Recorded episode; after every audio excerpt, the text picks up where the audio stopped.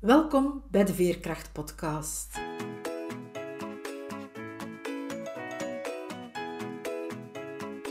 Ik ben Veerle Schaltien, levensverhalen en schrijfcoach. Met mijn bedrijf Wiebelwoorden trek ik voluit de kaart van veerkracht. Voor deze podcastreeks interview ik veerkrachtige vrouwen. Het zijn vrouwen zoals jij en ik, die soms wel eens het hoofd laten hangen maar die er vooral telkens opnieuw in slagen weer overeind te krabbelen, die telkens opnieuw de moed hebben om door te gaan, die ondanks alles ten volle in het leven staan en elke dag waardevol weten te maken. Hoe ze dat doen, vertellen ze je heel openhartig. Luister, snoep van hun woorden en laat je inspireren door hun verhalen, want als zij het kunnen, kan jij het ook. Dag Sabine. Dag Veerle. Vandaag ja, ga ik met jou praten, maar ik wil jou eerst eventjes voorstellen aan de luisteraars. Jij bent een HSP-coach en jij bent op dit moment gelukkig getrouwd, heb ik toch mogen vernemen. En uh, jullie hebben een nieuw samengesteld gezin, hè? Ja. Maar voordat je ja, zo dat gelukkige plaatje hebt verkregen, is daar wel heel wat aan vooraf gegaan. En misschien kunnen we eens helemaal teruggaan naar het gezin waarin je bent opgegroeid. Kan je daar iets over vertellen? Dus het gezin waar ik ben opgegroeid, mijn ouders waren zelfstandigen. En dat waren eigenlijk heel hard werkende mensen. Ik heb altijd mijn ouders zien werken. Maar ik ben eigenlijk in een heel warm nest grootgebracht. Ik heb altijd, ja, mijn ouders, die waren er ook altijd voor ons. Maar langs de andere kant, ja, moesten ze ook wel hard werken.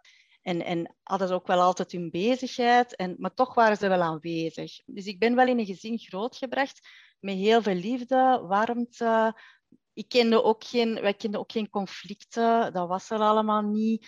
Ja, ik heb de veerkracht dat ik dikwijls zeg, die ik heb in het positieve, hè, zo het enthousiasme, dat heb ik ook wel echt gezien in het, binnen het gezin. Maar langs de andere kant heb ik ook niet leren voor mezelf opkomen, want mijn ouders zijn eigenlijk super lieve mensen met een heel warm hart. Maar ook zij, ondanks dat ze zelfstandig waren, ja, ik denk nu voor de zaak en zo, dat ze daar wel meer in manneken konden staan, maar zo meer de mensen die dicht bij hun staan of zo, dat ze daar dan eigenlijk ja, ook, ook te goed willen doen voor iedereen. Dus dat aspect eigenlijk van voor mezelf leren opkomen, hè, dat heb ik zo niet meegekregen. En dat is iets dat je toch wel meedraagt een stuk. Maar langs de andere kant ben ik ook heel blij dat ik die veerkracht, dat hard werken, uh, dat zelfstandig zijn, dat warme hart, het lief zijn voor elkaar, het zorgzame ook. Mijn ouders zijn heel zorgzaam geweest. Dat ik dat ook wel gezien heb. Want dat heb ik natuurlijk ook wel heel hard meegekregen. Waar ik heel dankbaar voor ben. Heel vaak zeggen mensen dat ze bij het begin van hun leven eigenlijk warmte en liefde tekort gekomen zijn. En mhm. dat geeft dan vaak heel veel problemen als ze volwassen zijn. Maakt ja, dat, dat die veerkracht niet altijd heel vanzelfsprekend is. En dat ze zo van de ene valkuil in de andere lopen. Maar ik vind het fijn van eens te horen dat jij zegt van ik ben toch wel in een heel liefdevol gezin grootgebracht. Klopt. Een gezin waar dat mijn ouders ons eigenlijk alles probeerden te geven dat we, dat we nodig hadden. Hè? Ja. Maar wat dat niet betekent dat jij nadien ja, geen valkuilen tegengekomen bent of, of ook op moeilijkheden gebotst bent. Want in het gezin zelf waren er toch ook al moeilijkheden buiten de wil van je ouders om of buiten... Ja, tuurlijk. Mijn ouders hadden ook heel veel zorgen op het gebied van mijn broer, hè, die, die uh, te vroeg geboren is met één oortje en die gepest geweest is. En, en dat heeft allemaal wel ook wel een impact gehad op het gezin, want daardoor, ik zag dat en ik, ik heb op dat moment als u denk ik ook als klein meisje van ik ga goed mijn best doen, want, want ik wil niet... Allee, ik zag al de zorgen hè, die mijn ouders toch wel hadden, die, die met mijn broer Stefan, dat ik dacht van ik ga goed mijn best doen. Want als ik goed mijn best doe, dan moeten ze daar toch ook al niet... Hè, hun, van aantrekken. En onbewust, hè, dat doe je allemaal onbewust, maar je draagt dat allemaal wel mee. En je, je gaat mee in, in dat dingen van het gezin eigenlijk. En, en, maar daardoor cijfer je op dat moment ook wel al een stukje weg, zonder dat je dat eigenlijk beseft. Je bent daar niet bewust van op dat moment. Je doet dat gewoon omdat je goed wilt doen eigenlijk. Dus dat was natuurlijk wel al iets waar ik dan later mee, mee gebotst ben. Omdat ik niet ja, omdat ik ook eens een keer niet het rebelse of eens een keer, ik wou geen conflicten, want ik ging daar ook zoveel mogelijk uit de weg om, om lief en, en altijd goed te doen. Maar soms is dat wel eens goed om eens een conflict te hebben en om eens je mening te zeggen en, en te zeggen waar dat op staat eigenlijk. En dat je, daar, dat je ook iets niet oké vindt op een beleefde, respectvolle manier. Maar dat je niet altijd met alles ook moet eens zijn om maar de vrede te bewaren. Je wilde die vrede bewaren om jouw ouders te ontlasten, hè? Ja, en omdat ik zoiets had, ze hebben het al moeilijk genoeg. En, en ja, en dat is iets dat groeit. Hè. Dat is iets dat je niet van een op ander doet. Maar je ziet natuurlijk in het gezin dat, dat mijn ouders zeggen, het waren heel hardwerkende mensen. Zij moesten het ook allemaal alleen doen. Zij hadden eigenlijk geen hulp van hun ouders of van anderen. Dus ze hebben ook alles moeten alleen doen. Ze hebben het zeker niet gemakkelijk gehad. Dus ja, wilt jij als kind, als dochter, waar ik het ideale, ja, de dochter zijn van, zie eens, hè, met mij gaat er geen probleem. Ik ga het zo goed mogelijk doen allemaal. Hè. Dat was eigenlijk dus- jouw manier om voor je ouders te zorgen. Ja, een stukje op, wel hè, op dat vlak. Terwijl dat zij aan de andere kant heel goed voor mij zorgen. Ik kreeg veel liefde, vriendschap, warmte. Maar, maar dat stukje ook van het, het autonoom zijn. Zo van, uh, mijn ouders die waren heel beschermend. Om, denk ik ook uit, uit angst van oei, hè, we moeten zien dat onze kinderen, hè, dat er niks gebeurt. En, en zo maar daardoor heb ik ook zo niet, niet, niet altijd uit mijn kokon, denk ik, gekomen, om, om, omdat, omdat ze al voor waren, zie je? Dus zo'n beetje in, in dat kokonnetje, beschermd kokonnetje. En op, op, dat, is, dat voelt allemaal heel goed op dat moment. Hè? Maar later, naar de buitenwereld, ja, daar is niet iedereen zo lief en zo, zo eerlijk en zo. En dan is dat wel confronterend. Dan heb je zoiets van, oei, niet iedereen is zoals ik, hè? of niet iedereen is zoals binnen het gezin, dat allemaal liefjes en warm en zacht. Dus dat is ook wel iets dat je hebt te leren. En hoe heb je dat dan geleerd eigenlijk? Oh, dat is echt een heel proces geweest. Vallen en opstaan. Ik heb vaak ook oh, mannen aangetrokken die boven mij stonden, omdat ik daar een stuk naar opkeek. Omdat ik vond, maar die staan er en, en die, hè, die, die kunnen het goed zeggen. En, en dat trok mij ergens aan, maar ook omdat ik mij bewust altijd een stukje heb klein gehouden niet uit mijn kokon durfde komen of niet mijn echte stem durfde hè, te tonen. Dus dat is een vallen en opstaan geweest. Ik heb eigenlijk heel lang een stuk daar ook onderdrukt in geweest. Van ik zal wel doen wat jij graag hebt. Dan is iedereen tevreden. Hè? Dan is iedereen blij.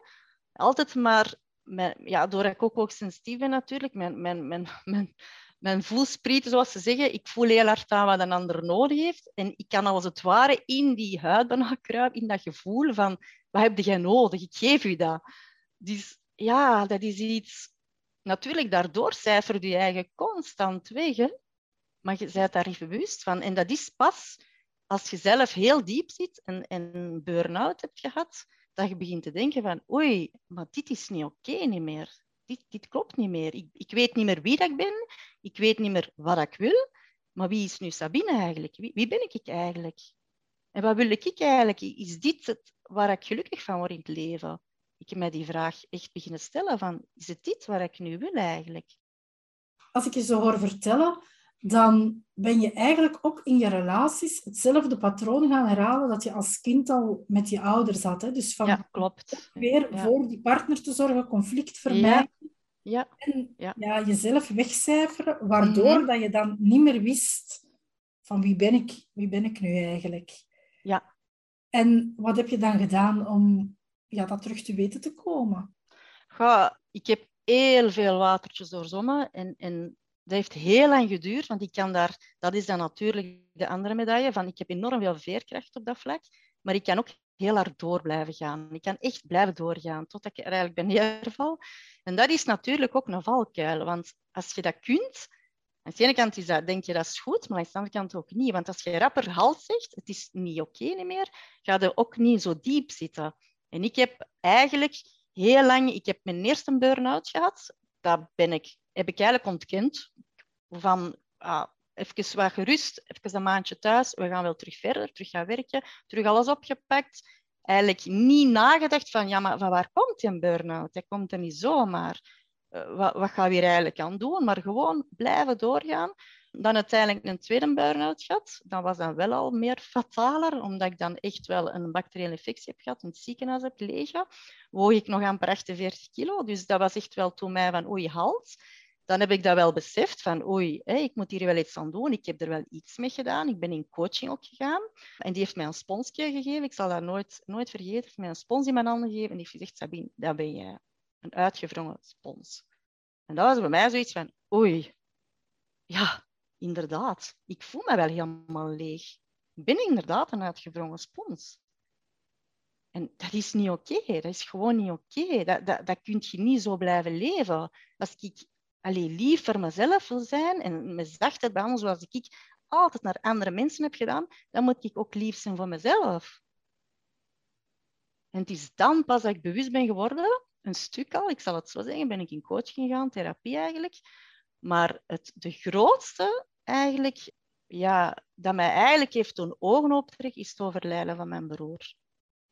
Dat heeft echt bij mij heel veel opengetrokken.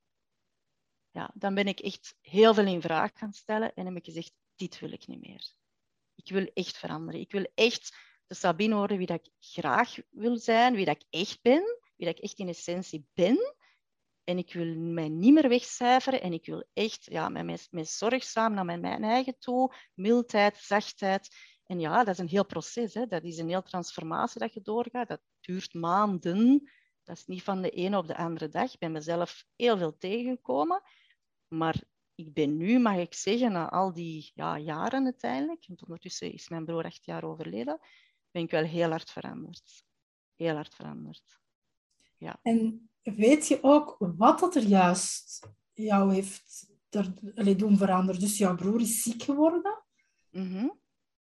En dan eigenlijk vrij kort daarna is hij al overleden. Ja, tien maanden later ja, is hij overleden. Ja. Ja. Ja.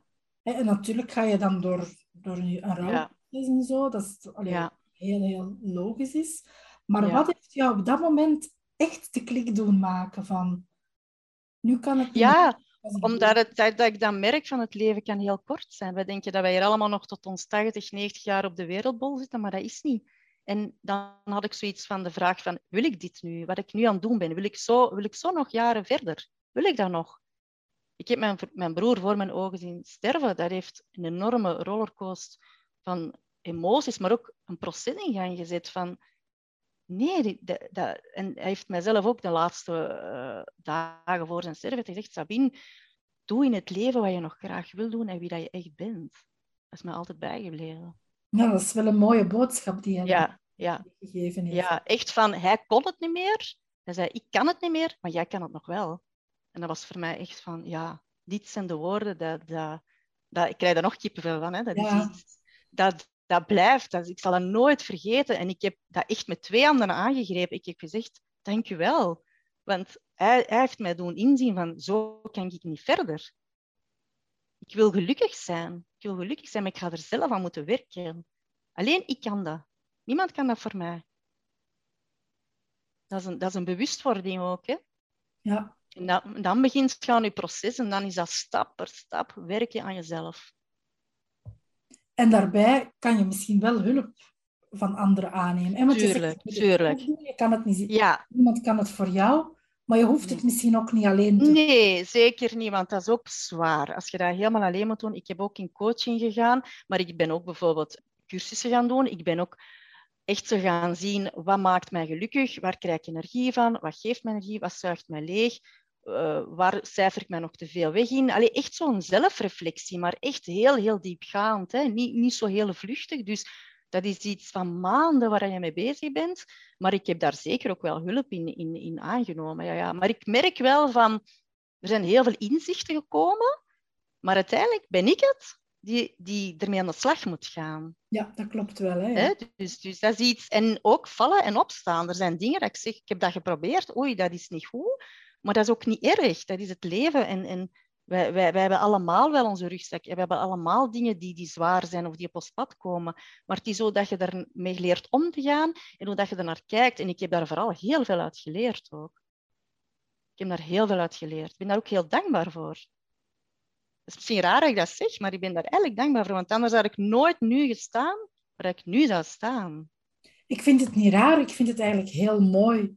Want iedereen krijgt inderdaad een aantal dingen op zijn pad en die soms echt wel heel zwaar kunnen zijn en die, ja, waar je nooit zelf zou voor kiezen, maar die jou wel iets brengen uiteindelijk. En ik vind het heel mooi hoe jij zegt van, ja, de dood van iemand, dat is wel het laatste wat dat je wenst, maar hoe dat, dat jou toch iets heel moois gebracht heeft, dat dat ervoor gezorgd heeft dat jij nu kan zijn wie je in wezen bent. Ja. En misschien is dat wel bemoedigend voor andere mensen die ook iemand missen en die, die nog volop in die pijn zitten. En ja, ik vermoed dat die pijn nooit helemaal overgaat. Die hoort ook bij het leven. Maar dat daar tegelijk toch ook wel iets moois aan is. Iets waar dat je ook veerkracht kan uitputten. Ja. Dat het niet allemaal voor niks is eigenlijk. Nee, voilà. En ik wou ook, want mijn broer was ook, ja, dat is typisch ons gezin geweest. We waren allemaal mensen met een heel warm hart en die ons wel wegcijferden en heel altijd voor een ander ja, zorgden eigenlijk. Maar mijn broer heeft daardoor ook vaak in het leven ontgoochelingen gehad. En, en moet ik dat zeggen, ehm, hij heeft het niet meer kunnen, kunnen, kunnen opbrengen omdat hij zo ziek was. Van, ik moet ook iets gaan doen in mijn leven, waardoor dat ik meer de Stefan ga zijn wie dat ik echt wil zijn. Er is ook veel gepest geweest. En, en, en dat, maakt allemaal wel in het leven dat je dat, dat kraakt je als mens. Hè? Want ik zeg allemaal, iedereen is te kraken. Hè? Maar het is hoe dat je er zelf uiteindelijk mee leert omgaan. En, en het leven is nu helemaal niet altijd gemakkelijk, maar, maar het is wel hoe dat we naar kijken en hoe dat we ermee leren omgaan en waar we er ook uit leren, vind ik. Ik heb daar heel veel uit geleerd. En ik moet eerlijk zeggen, ik ben langs de ene kant supergevoelig. Dat merk ik ook wel na het overlijden van mijn broer. Als er dingen gebeuren, zal ik dat echt dat ik een drama queen ben, echt heel hard kunnen opgaan. Dan ben ik heel emotioneel, maar ik weet ook van waar dat komt en dat dat ook oké is. En laat die emoties maar stromen en laat dat maar eventjes een drama queen zijn. Ik weet van waar dat komt, dat zit heel diep in mijn hart. Maar langs de andere kant heeft me dat ook enorm sterk gemaakt. En weet ik wat ik hier te doen heb in het leven en weet ik wie dat ik ben. En wat ik ook wil brengen. Ik wil ook een missie brengen aan mensen van, kijk, ook al heb je het heel zwaar, van je komt daardoor, je komt daar echt door, maar dat lijkt op dat moment lijkt onoverkomelijk en denk je dat je er nooit niet gaat uitgeraken. Maar je komt daar wel door met de nodige kracht, de veerkracht, maar ook met de nodige, het, het zelfvertrouwen dat je in jezelf gaat krijgen en stapje per stapje opbouwen. En heeft het ook te maken met echt wel voelen wat dat er is? En wat je zegt van, ik reageerde als een drama queen, ik mhm. laat al die emoties er zijn. Mhm. Is dat iets wat jou ook helpt? Want ik denk dat er ook mensen zijn die bang zijn van die emoties en die proberen te negeren. En ze gaan dan vluchten, sommigen in drank, anderen in, in eetbuien, anderen in hard werken. Allee, er zijn zoveel manieren waar dat je in kan vluchten. Het is, het is sinds inderdaad dat ik, dat ik meer beginnen gaan voelen ben, maar dan echt bij mezelf. Want voor een ander kon ik dat heel goed. Maar vooral bij mezelf, dat ik die drama queen ook wel meer ben geworden. Zo van, maar ik vind dat niet erg, want vroeger had ik veel meer in mijn hoofd. Ik wou ook alles heel rap oplossen, quick fix, zoals ze zeggen. Van alles moest direct opgelost worden, want dan, dan was dat zo rap mogelijk allemaal in orde. Maar dat is niet de essentie. De essentie is, als je iets voelt, als er iets je triggert, als er iets is, van waar komt dat? Waar zit die angst? Wat zit daaronder die angst? Hoe komt dat dat je daar zo op reageert? Wat doet dat met jou? Die vragen moet je stellen. En echt gaan voelen, in de kern van binnen. Het is, als ik het zo begrijp, ook een drama queen in jezelf. Hè? Want je hebt zo mensen die drama queen naar de buitenwereld zijn, maar daar gaat het niet over, denk ik. Nee, nee, nee, nee, zeker niet. Nee, want ik zal bij veel meer... Ze zeggen altijd, allee Sabine, jij bent toch een sterke en, en, je, en je staat er toch en zo. Ja, ja, ik sta er wel, maar van binnen kan ik helemaal doodgaan bij manier van spreken, van, van verdriet of van emoties of van gevoel of, of de ontgoocheling of whatever. Allee, dus ik sta er zo gezegd wel, dat ze zeggen naar de buiten, maar ik, toch heb ik zo het gevoel van, sinds dat ik dat meer ga doen en echt in mezelf, en dat je echt herkennen van het is oké dat die gevoelens en die emoties daar zijn, dat ik ook meer ben, ben beginnen worden wie dat ik echt ben. En ik ben nu eenmaal hooggevoelig, ook sensitief. Ik, ik, heb, ik heb daar ook mee leren omgaan. Maar ik heb dat ook heel lang een stukje weggeduwd. Hè? Je hebt dat weggeduwd omdat je daarmee misschien bang voor was, voor die gevoelens die daarbij kwamen kijken? Nee, vooral het feit dat ik sterk wou zijn. Ah ja. Ik wou vooral sterk zijn. Ik moet er staan en ik zal er staan. En mag je nu van jezelf kwetsbaar zijn? En nu ben ik heel kwetsbaar, ja. ja. En ik vind dat niet erg, hè, want er zijn mensen, amai, dat jij dat zegt, dat jij zo kwetsbaar... Ja, en dan? Ik, vind dat, ik ben nu eenmaal een kwetsbaar persoon, maar dat wil niet zeggen dat ik mij volledig gaan over mij laten lopen. Dat is gedaan. Dat is gedaan. Dat heb ik genoeg laten doen. Maar ik ben wel een persoon. Dat wil ik zeggen van, ik ben wie dat, wie dat je nu ziet, ben, ben ik. Zo ben ik. En ben ik verdrietig, ben ik verdrietig. Ben ik jij blij, ga dat ook zien. Maar ik ben wie dat ik ben ik moet niet sterk niet meer zijn. Dat is gedaan. Ik moet eigenlijk op dat vlak niet meer sterk zijn. Ik geloof er eigenlijk in dat iedereen een kwetsbaar persoon is. Maar het is eigenlijk... Ja, de... Durf je dat ook toelaten hè, voor jezelf? Durf je je kwetsbaar opstellen? Ja. Durf je toegeven dat je kwetsbaar bent? Mhm. Ja, en het is ook sinds, sinds dat ik dat doe, dat ik ook de juiste mensen aantrek. Dat is echt heel frappant, maar dat is effectief zo. Daarvoor draag je als het ware, zoals heel veel mensen doen, een masker. Maar de persoon daarachter, wie is dat? Wie, wie ben je in essentie? Wie ben je echt puur in essentie? Veel mensen dragen een masker de dag van vandaag. Je zegt, het is sinds dat ik wel kwetsbaar durf zijn, dat ik de juiste mensen aantrek. Bedoel je dan ook in relaties en zo? Ja, ja, ja. Ja, daarvoor, zeg het, trok ik dan eigenlijk de verkeerde aan. Hè? De mensen die heel rationeel waren, die trok ik aan. En pas op, niks meer rationele mensen. Maar dat past niet in mijn relatie, in wie dat ik als persoon echt ben. Dat, dat, dat matcht niet meer genoeg. Ik heb echt iemand nodig die ook eens een theetje brengt en die ook eens zorgzaam kan zijn. Niet dat ik daar volledig in, in moet betutteld worden, dat wil ik ook niet. Maar ik, ik heb ook wel eens graag iemand die voor mij ook eens zorgt. Terwijl je zelf nog altijd wel een zorgzame persoon Ja, tuurlijk, tuurlijk. Ja. Maar misschien zorgzaam zonder echt over je grenzen te laten gaan. En dat dat het grote verschil is met vroeger. Wanneer Klopt, ja. Nu, het, het is wel zo, de mensen die dicht bij mij staan, zoals mijn kinderen, mijn ouders en mijn partner, dat ik nog altijd soms wel die grens moet voor mezelf aangeven. Dat ik voel, oei, Sabine, je gaat te ver weer um, een beetje gas teruggeven. Ik ben altijd zo'n heel ja, enthousiast en, en, en, ik, ja, en als ik mij goed voel, dan ga ik daar ook heel hard in op. Maar eigenlijk moet ik dan op dat moment denken van, oei, wacht, hè, een beetje ruimte laten, even, hè, dat ik terug, terug rust neem. En, en daar ben ik mij veel meer van bewust nu. Terwijl ik naar de buitenwereld toe, op, op, op, op het werk of op, op mensen die verder van mij afstaan, kan ik dat veel beter. De mensen die het dichtst bij ons staan, dat zijn onze grootste leermeesters. Hè? Ja. Daar kunnen we het meest mee oefenen, maar daar is het ook het moeilijkst mee. Omdat natuurlijk, ja, je ziet die graag, die mensen die zo dicht bij jou staan. Dus ja. je wilt die niet, niet ontgoochelen. Je, je wilt daar goed voor zijn en je, en je wilt dat die gelukkig zijn. Klopt, ja. En ik denk dat dat dan een valkuil is. Ik herken dat toch ook. Van dat je dat geluk, dat je jezelf een beetje verantwoordelijk gaat voelen voor dat geluk. Ja, Terwijl dat is ook wel zo. Ja. Alleen zelf je gelukkig kunnen maken. Hè?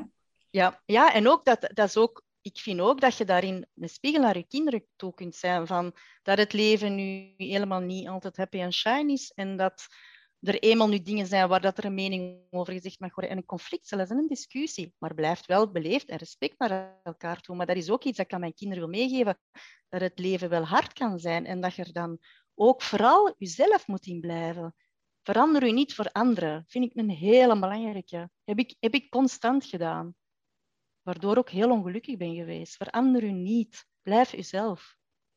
Ja, dat is een hele, hele mooie tip. En ik denk dat dat al meteen een tip is om ja, veerkrachtig in het, in het leven te staan. Hè? Van gewoon echt jezelf te blijven. Hè? Ja, want wij vragen heel veel, en dat was bij mij ook zo. Hè? Ik vroeg heel veel erkenning, de bevestiging van anderen van zie mij graag. Als ik die niet kreeg, dan voelde ik mij eigenlijk niet goed. En eigenlijk is dat, is dat niet de bedoeling. De bedoeling is dat je jezelf heel graag ziet. Maar dat moet je eerst beseffen. Eerst moet je daar bewust van zijn. En vanaf dat je dat beseft en er bewust in bent, kun je, daar, kun je daarmee mee leren omgaan. En als je je eigen heel graag kunt zien, dan kun je andere mensen rondom u nog liever zien. Maar eerst jezelf leren zien. En dat is bij mij een heel, heel lang proces geweest. En je wordt je daar bewust van, van dat is het belangrijke, dat ik eerst mezelf graag zie. Kan je dan ook vertellen van wat dat je dan juist gedaan hebt om dat ook in de praktijk te doen? Want weten van ik mag mezelf graag zien en het dan ook nog echt doen, dat zijn nog twee. Ja, ja, ja zeker. bij mij is dat vooral geweest mijn innerlijke stem laten gelden. Laten spreken. Mijn innerlijke stem. Want de stem die ik heel, heel vaak heb laten doen gelden, was de stem van iemand anders. En dat klopt niet. Dat klopt niet. Dat, is niet, dat klopt niet met mezelf. Om gewoon maar de andere gelukkig te maken of om de andere blij te zien, dat is weer wegcijferen. Dus wat heb ik gedaan eigenlijk vooral, is, is beginnen echt in mezelf beginnen gaan voelen van wie ben ik, maar vooral wat maakt, mij, wat maakt dat ik nu terug een, een, een ik was echt een, een, een grijze mus, hè, zoals ze zeggen. Um, ja, als vroeger mijn, mijn, mijn niksman zei van ik heb liever dat het jaar donker is, dan denk je dat donker. Als die zei van ik heb liever dat je dat kleedje aan doet, dan denk je dat kleedje aan. Maar eigenlijk is dat niet oké, want het is aan mij om te zeggen, maar wacht eens even. Nee, ik heb liever mijn haar blond. En ik ben, zo'n ding ben ik beginnen toepassen. Ik begin ik ben eigenlijk, uh, ik zeg nu heel, dat zijn misschien heel kleine dingen, maar ik ben uh, mijn haar beginnen anders doen. Ik, begin, ik heb mijn kledingstijl aangepast aan wie dat ik, wie dat ik hè, waar dat ik graag zie. Maar ook zo van, ook zo dingen bijvoorbeeld, vroeger ik zou nooit niet durven weggaan zijn met een vriendin, want dan was ik egoïstisch. Dat zijn ik ook terug beginnen doen. Van, ik ben terug afspraken beginnen doen met, met, met vriendinnen. Dat ik ga dan terug weggaan eens een keer. En ook eens wil ik graag gaan, gaan aerobico of wil ik graag dat gaan doen. Dat is ook iemand ruimte geven. Dat is ook iemand graag zien. En dat ben ik beginnen toepassen. En ik voelde mij meer en meer de Sabine worden, die dat ik echt wou zijn. En ik straalde dat ook uit, want je, je gaat dat ook zien. Hoe meer dat je jezelf wordt, hoe meer dat je dat uitstraalt en hoe meer dat mensen dat ook naar jou gaan zien. En natuurlijk heb je mensen die zeggen, amai, die is veranderd. Amai, wat denkt die zeg? Maar dat moet je niet aantrekken. Je moet zelf zijn wie dat je wilt zijn. En de mensen die jou dan graag zien zoals jij bent, dat zijn de juiste mensen. Ik kan me indenken dat je inderdaad mensen verliest die dat niet fijn vinden van dat je zo verandert. Maar daar komen dan ook wel weer andere mensen voor in de plaats. Hè? Ja, dat is ook zo. En zoals jij zegt, dat zijn dan de juiste mensen. Ja, ja en dat is raar, maar dat, dat zijn ook de mensen die veel meer matchen met jou daar, daar moet je, dat kost jou ook geen energie meer. Die mensen die niet bij mij passen, dat kost mij ontzettend veel energie. En dat is ook normaal, want je kunt jezelf niet zijn. Misschien dat mensen dat wel herkennen, dat ze zo met bijvoorbeeld een vriendin afspreken en dat ze zo voor als ze vertrekken denken van oh, nu moet ik daar weer naartoe. Dan voel je dat er iets niet klopt eigenlijk. Hè? Nee, dan is dat niet oké. En dat is, een, dat is uw eerste bewustwording. Dat is de eerste bewustwording. En dan moet je je eigen afvragen, wil ik dit? Wil ik dit nog verder doen? En ga ik mijn eigen er elke keer energie laten kosten, dat dat mijn energie kost? En kan ik mezelf ook niet zijn, wat ik tenslotte nu heel belangrijk vind, dat je zelf kunt zijn? Of ga je dat ook ergens aangeven? Op een heel respectvolle manier, uiteraard. Het is niet gemakkelijk. Nee, want grenzen stellen dan, dan spreek ik ook uit eigen ervaring. In het begin, ik deed dat nogal op een brute manier. Zo. En dan, ja, dan stoot je mensen af. Hè. Dat is... Ja, klopt. Ja, dat is, dat is, ook niet oké. Nee. Dat is ook wel te leren van als ik mezelf graag zie en ik stel mijn grenzen, hoe doe ik dat dan op een respectvolle manier? Ja, en dat is iets dat ik ook, alleen mijn coaching ook heel, heel hard mee, want mensen zeggen altijd, ja, gewoon nee, en nee zeggen, dat vinden ze heel moeilijk. Want dan zeggen ze, dat ze het egoïstisch. Want ze, ze, hebben ook angst om nee te zeggen, om de reactie van de anderen. Maar dan zeg ik ook, je kunt ook nee zeggen op bepaalde manieren. Je moet niet kortaf nee zeggen. Je kunt dat op, op verschillende manieren zeggen. Dat dat veel zachter binnenkomt. Maar je hebt ook nee gezegd, maar op een andere manier. En dat vinden ze dan al veel toegankelijker. Dan dat je zo kortaf, nee, ik doe dat niet. Dat is heel moeilijk. Als je dat niet gewoon zegt, ik heb jaren dat niet gedaan, is dat bijna onmogelijk om dat te doen. Dat is Wat zeg je dan in de plaats van nee, ik doe dat niet? Kan je een voorbeeld zeg bijvoorbeeld, Ja, dan zeg ik bijvoorbeeld, je hebt heel vaak mensen die iets vragen wat je niet verwacht. Dat komt binnen. En ik zeg altijd, je eerste gevoel is je buikgevoel, intuïtief. Je voelt echt, je buikgevoel voelt normaal binnen de twee seconden, voel je of dat, dat klopt of niet, of dat je dat wilt of niet. Maar dan begint je hoofd te denken. Wat doen veel mensen in je hoofd? Ja, we zullen dat wel doen, want voor de andere dan, dan, dan is die content, dan is die blij. Nee, je buikgevoel. Wat kan je dan zeggen bijvoorbeeld, als je al je buikgevoel voelt van oei, nee, ik wil dat niet doen, dan kan je zeggen, bijvoorbeeld, ik moet daar eerst eventjes over nadenken en ik laat iets weten. Dan geef je jezelf ruimte. Je zegt niet direct nee, kortaf, maar je geeft wel al een antwoord van ik zeg ook niet ja direct.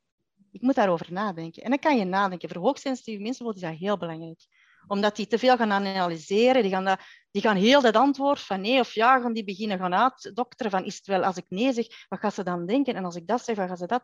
Dus die hebben die ruimte wel nodig. Daarom dat ik dat heel hard aangeef bij die mensen. Geeft gewoon, dat geef ik een hele goede tip, van zegt van gewoon heel respectvol en op een beleefde manier, want ik moet daar eventjes over nadenken, ik kom hier nog op terug.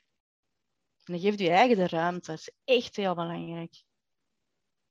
Ja, en ook als je dan jezelf de ruimte gegeven hebt en het moment dat je daarop terugkomt, dan ben je daar ook op voorbereid. Ja, klopt. En dan is het misschien ook gemakkelijker om je woorden te kiezen. Ja, ook al. Want anders, weet je, veel, veel dingen overvallen nu. En je zegt maar rap ja, want je zegt zo gewoon van antwoord ja te zeggen.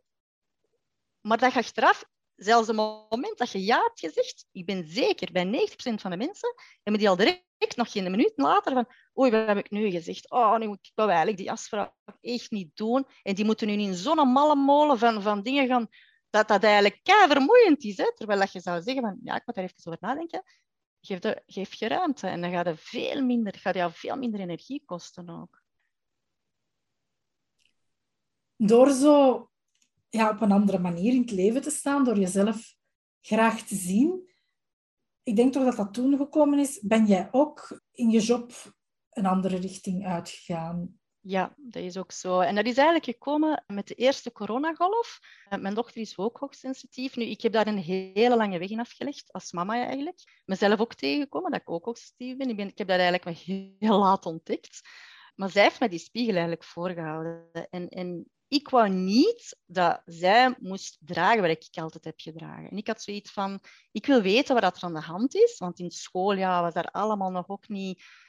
Ja, dat was zo nog niet. Hè. Je bent ook sensitief, wat gaan we daarmee doen? Hè? Dat, dat wordt allemaal een stukje... Ja, weg, weg hebt, hè, want dat is niet zo belangrijk op dat moment. Dus zij heeft mij die spiegel eigenlijk voorgehouden van, ik ben ook sensitief, we hebben daar een hele zoektocht, een heel ding, een heel proces dat ook geweest.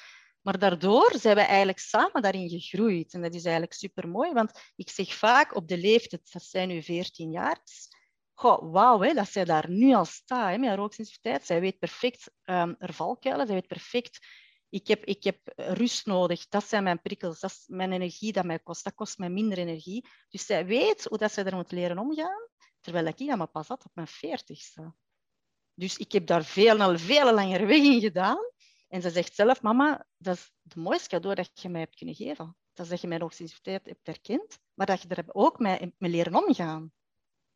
En zij is nu al op weg dat ik denk, wauw. Allee, 14 en die weet al zo goed, die staat al zo goed in het leven op dat vlak. Ja, dat is wel knap inderdaad. Ja, dat is, allee, dat is iets... kon eigenlijk, ze zegt het zelf, kon geen mooier geschenk geven dan dit, want dat is iets voor, ook voor het leven. En ik zeg altijd, ik heb daar ook heel hard geleerd, is niet omdat je hoogsensitief bent, dat iedereen rondom jou moet zich aanpassen.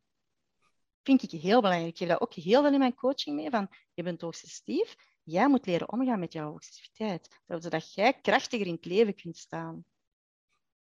Je kunt niet verwachten dat iedereen rondom jou zich gaat aanpassen. Dat gaat ook nooit hebben. Dat gaat ook nooit bereiken. Dat is een illusie. Dus ja, dat je kan moet niet. zelf zien. Dat kan niet. Dus je moet zelf zien dat je niet slachtoffer ervan wordt. En dat jij leert omgaan met hoogsensitiviteit. En dan ga je veel sterker in het leven staan. En dat leer je dan ook aan je coaches aan? Ja, ja. ja. En werk je met volwassenen of met, met jongeren? Ik werk met volwassenen en met tieners. Eigenlijk. En ik werk ook eigenlijk, als er gezinnen zijn, dus zoals ik heel de weg heb moeten afleggen als mama eigenlijk, met een hoogsensitief kind, waar dat ik toen ook nog niet wist van, hoe moet ik daarmee leren omgaan? Want ik heb een zoon ook, maar die is niet hoogsensitief. Dus voor mij waren dat twee totaal andere werelden, die eigenlijk uit hetzelfde gezin komen, maar die eigenlijk een andere opvoeding vragen. Normen, normen en waarden zoals respect, beleefdheid, dankbaarheid, dat zijn normenwaarden die sowieso over de volledige lijn bij ons liggen. Maar het opvoedkundige van uh, prikkels en, en energie en omgaan met grenzen en zo, dat, dat was anders bij mijn zoon dan bij mijn dochter. Ik heb daar echt mijn weg moeten in zoeken. En ik weet, ik stond daar een stuk ook alleen voor. Ik heb dat echt ja, mij ook wel eenzaam in momenten in gevoeld. Van hoe moet ik dat hierop? En ook met mijn handen in mijn haar, van hoe moet ik dit hier gaan oplossen? Ik heb, ik heb daar heel veel boeken, ik heb heel veel cursussen. Heel, al, ik, heb, ik wou echt alles over activiteit weten, maar ik zoiets had van, ik wil mijn dochter kunnen helpen daaraan, daarin. En ik heb mijn eigen daar eigenlijk ook in geholpen. Onbewust. Hè? Ja. Ik ben daar dan ook mee ingegroeid. Hè? Niet alleen mijn dochter, maar ook voor mezelf heeft dat, heel veel, heeft dat ook heel veel puzzeltjes in elkaar doen leggen. Hè? Ja, want jij hebt dan ontdekt, uh, dankzij jouw dochter, dat je zelf ook hoogsensitief bent. Maar ik kan me indenken dat mensen die niet hoogsensitief zijn, die toch wel door met hoogsensitieve kinderen of andere mensen om te gaan, daar ook heel veel voor zichzelf uit halen en, en veel bij leren. Hè? Dat... Ja, tuurlijk, tuurlijk. Dat is ook zo. Alleen als, als iemand rationeel is, is dat niet altijd evident. Omdat, ja, en ook sinds persoon, hè, die, die emoties die kunnen heel hard, hè, die, zoals ik zeg, die kunnen heel boos zijn, die kunnen ook intens verdrietig zijn, intens blij, intens, ja, die hebben alles heel, die intensiteit is veel hoger dan iemand die niet hoogsensitief is. Hè. Die hebben ook die, die filter niet, dat, dat, dat, dat een hoogsensitief persoon heeft geen filter, dus dat komt allemaal binnen, alle prikkels gedurende een dag komen binnen en je moet die verwerken. Dat is een diepgaande verwerking bij iemand die hoogsensitief is. Dat heeft ook veel tijd meer nodig. Daardoor moet je je eigen heel goed kennen. Want je hebt die rust nodig. Je moet die ruimte ook durven innemen. Iemand die niet hoogsensitief is, die kan dat ook niet... Die, dat is moeilijk om dat altijd te begrijpen. Dat ik ook, dat ik ook begrijp zelf. Hè? Als je dat niet hebt, ja, is dat heel moeilijk. Hè? Nu, die mensen die niet hoogsensitief zijn, hè, die, die hebben die filter uiteraard niet. En dat, dat, dat is een verschil. Maar jij hebt het soms over rationele personen. Maar ik geloof dat elke rationele persoon ook een emotioneel persoon is.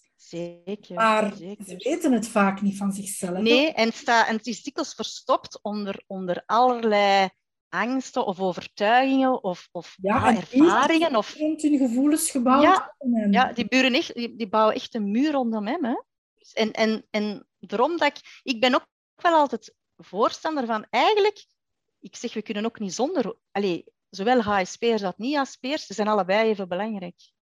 Het is niet dat we alleen de ASP'ers moeten hebben, want dat is, ook niet, niet, dat is ook niet juist. We hebben allebei ze nodig. Want soms heb ik echt zoiets van, amai, het is goed dat iemand inderdaad eens rationeel denkt, want die kunnen heel goed, ja, alles ook analyseren ook, maar zo, die kunnen dat allemaal goed wetenschappelijk en die kunnen dat echt zo allemaal goed uitleggen, terwijl dat wij dikwijls in ons drama of in onze emoties gaan en dan de dikwijls dingen daar niet, niet van zien. Dus dat is wel ook belangrijk dat die mensen er uiteraard zijn. Ja, het houdt het in evenwicht. Hè. Het is yin en yang. Hè. Dat ja. rationele is dan zo meer een, een, een yang-energie die de wereld sowieso nodig heeft. Maar daartegenover is ook het emotionele, de yin-energie nodig. Hè. En het ene kan niet zonder het andere bestaan.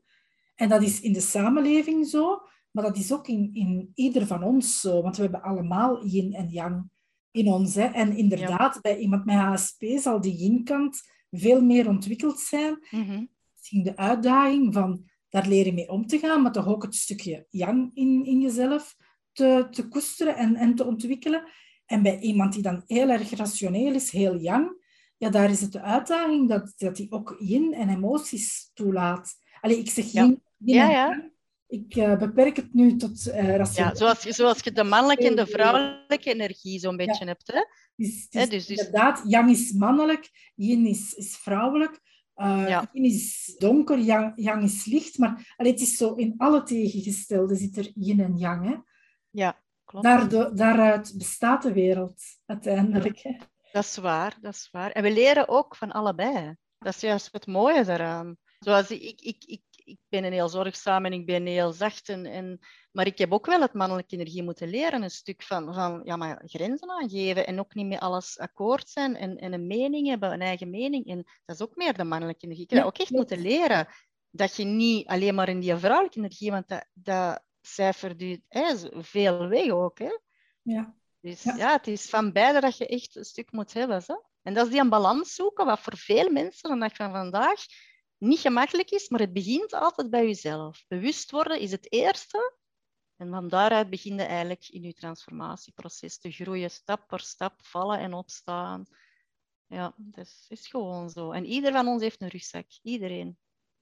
Heb jij uh, tot slot misschien nog enkele tips naar de luisteraars om veerkrachtig in het leven te staan? Je hebt er al een heleboel gegeven tijdens het gesprek. Ja, Goh, wat ik vooral de raad wil geven is, wat ik zelf ondervonden heb, is, zoals ik begin ook misschien wel al zei, verander jezelf niet, blijf dicht bij jezelf. Maar dat wil ook zeggen, dat is misschien een heel kort zinnetje, blijf dicht bij jezelf, maar dat vraagt heel veel op het gevoel van, op het gebied van echt naar jezelf kijken. Wat wil je? En beseffen van wat er vandaag is, ook niet morgen. Ook vind ik ook een heel belangrijke. Wat er vandaag gebeurt, is niet dat dat heel je leven zo gaat, gaat, de impact ervan gaat hebben. Dus leert ook uit dingen waar je tegenkomt in je leven. En pak daar toch de goede dingen van op. Ook al was dat zwaar, ook was dat rouwen, ook was dat verdriet, was dat kwaad, was dat boos, was dat, van alles kan dat zijn. Maar pak daar toch de goede dingen uit. Dat je daar verder mee aan de slag gaat. En blijf echt voelen, dicht bij jezelf, vind ik echt heel belangrijk. En ook zeker niet van, oh, dat is nu het ergste wat mij kan overkomen, of dit of dat. We hebben allemaal onze dingen. En ja, je moet vooruit in het leven. Alleen moeten, moeten niks. Maar probeer echt het beste eruit te halen. En dat je eigenlijk ook dankbaar bent voor kleine dingen.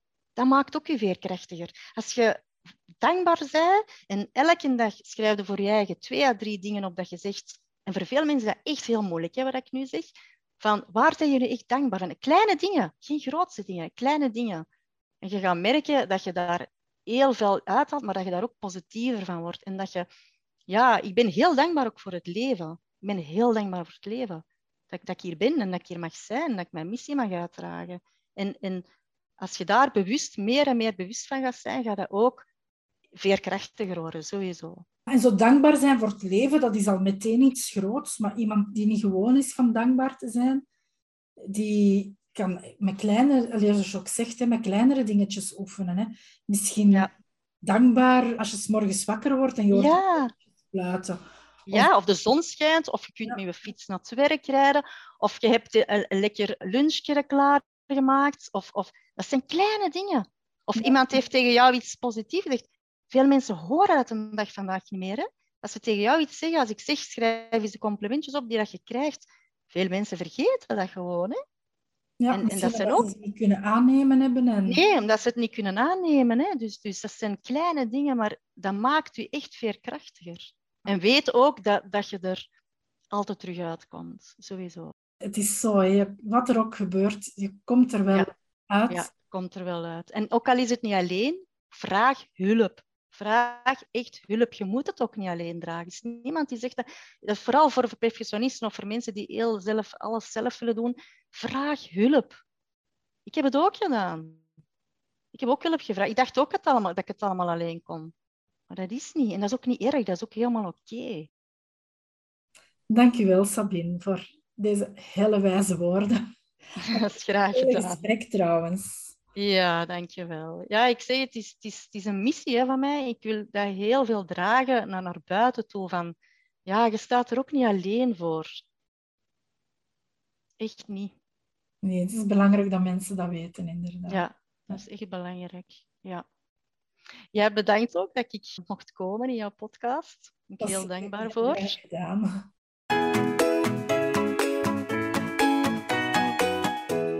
Deze veerkrachtige verhalen hoor je heel vaak dat problemen waar mensen tegenaan botsen ontstaan zijn in hun kindertijd of zelfs nog veel eerder. Vaak is het ook dat er dingen opgeslagen zijn in jouw familiesysteem en die jij dan draagt. Want alles wat jouw ouders, grootouders, overgrootouders en verder niet gezien, erkend of gedragen hebben, wordt doorgegeven aan de volgende generatie. En zo draag jij misschien ongemerkt familietrauma met je mee. Nu, helemaal ongemerkt is dat uiteraard niet, want het uitzicht dus in de problemen waar jij tegenaan botst, in de patronen en gewoonten die jou niet dienen. En pas als je dit aankijkt, kan het ook geheeld worden. En dat is wat we tijdens een familieopstelling doen. We maken het onzichtbare, de onderstroom in jouw familiesysteem, zichtbaar.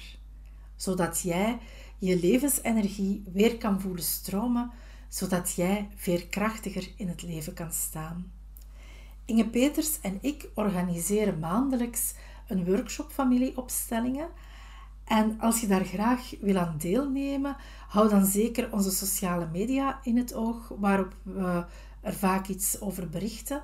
Of ga meteen naar onze landingspagina veerleschaltin5.wixsite.com slash familieopstelling. Deze link vind je ook in de bio op mijn uh, Instagram-pagina terug en in de begeleidende tekst bij deze podcast. Je luisterde naar de Veerkracht-podcast. Hartelijk dank hiervoor. Hopelijk heb je even erg van dit veerkrachtige verhaal genoten als ik. Laat je er zeker door inspireren. Ben je benieuwd naar het volgende interview? Of wil je niks van deze podcastreeks missen? Surf dan naar www.wiebelwoorden.be of abonneer je nu meteen gratis op deze podcast via Spotify of een andere podcast-app. De montage van deze podcast was in handen van Johannes Veremans. Nogmaals dank voor het luisteren en graag tot de volgende aflevering.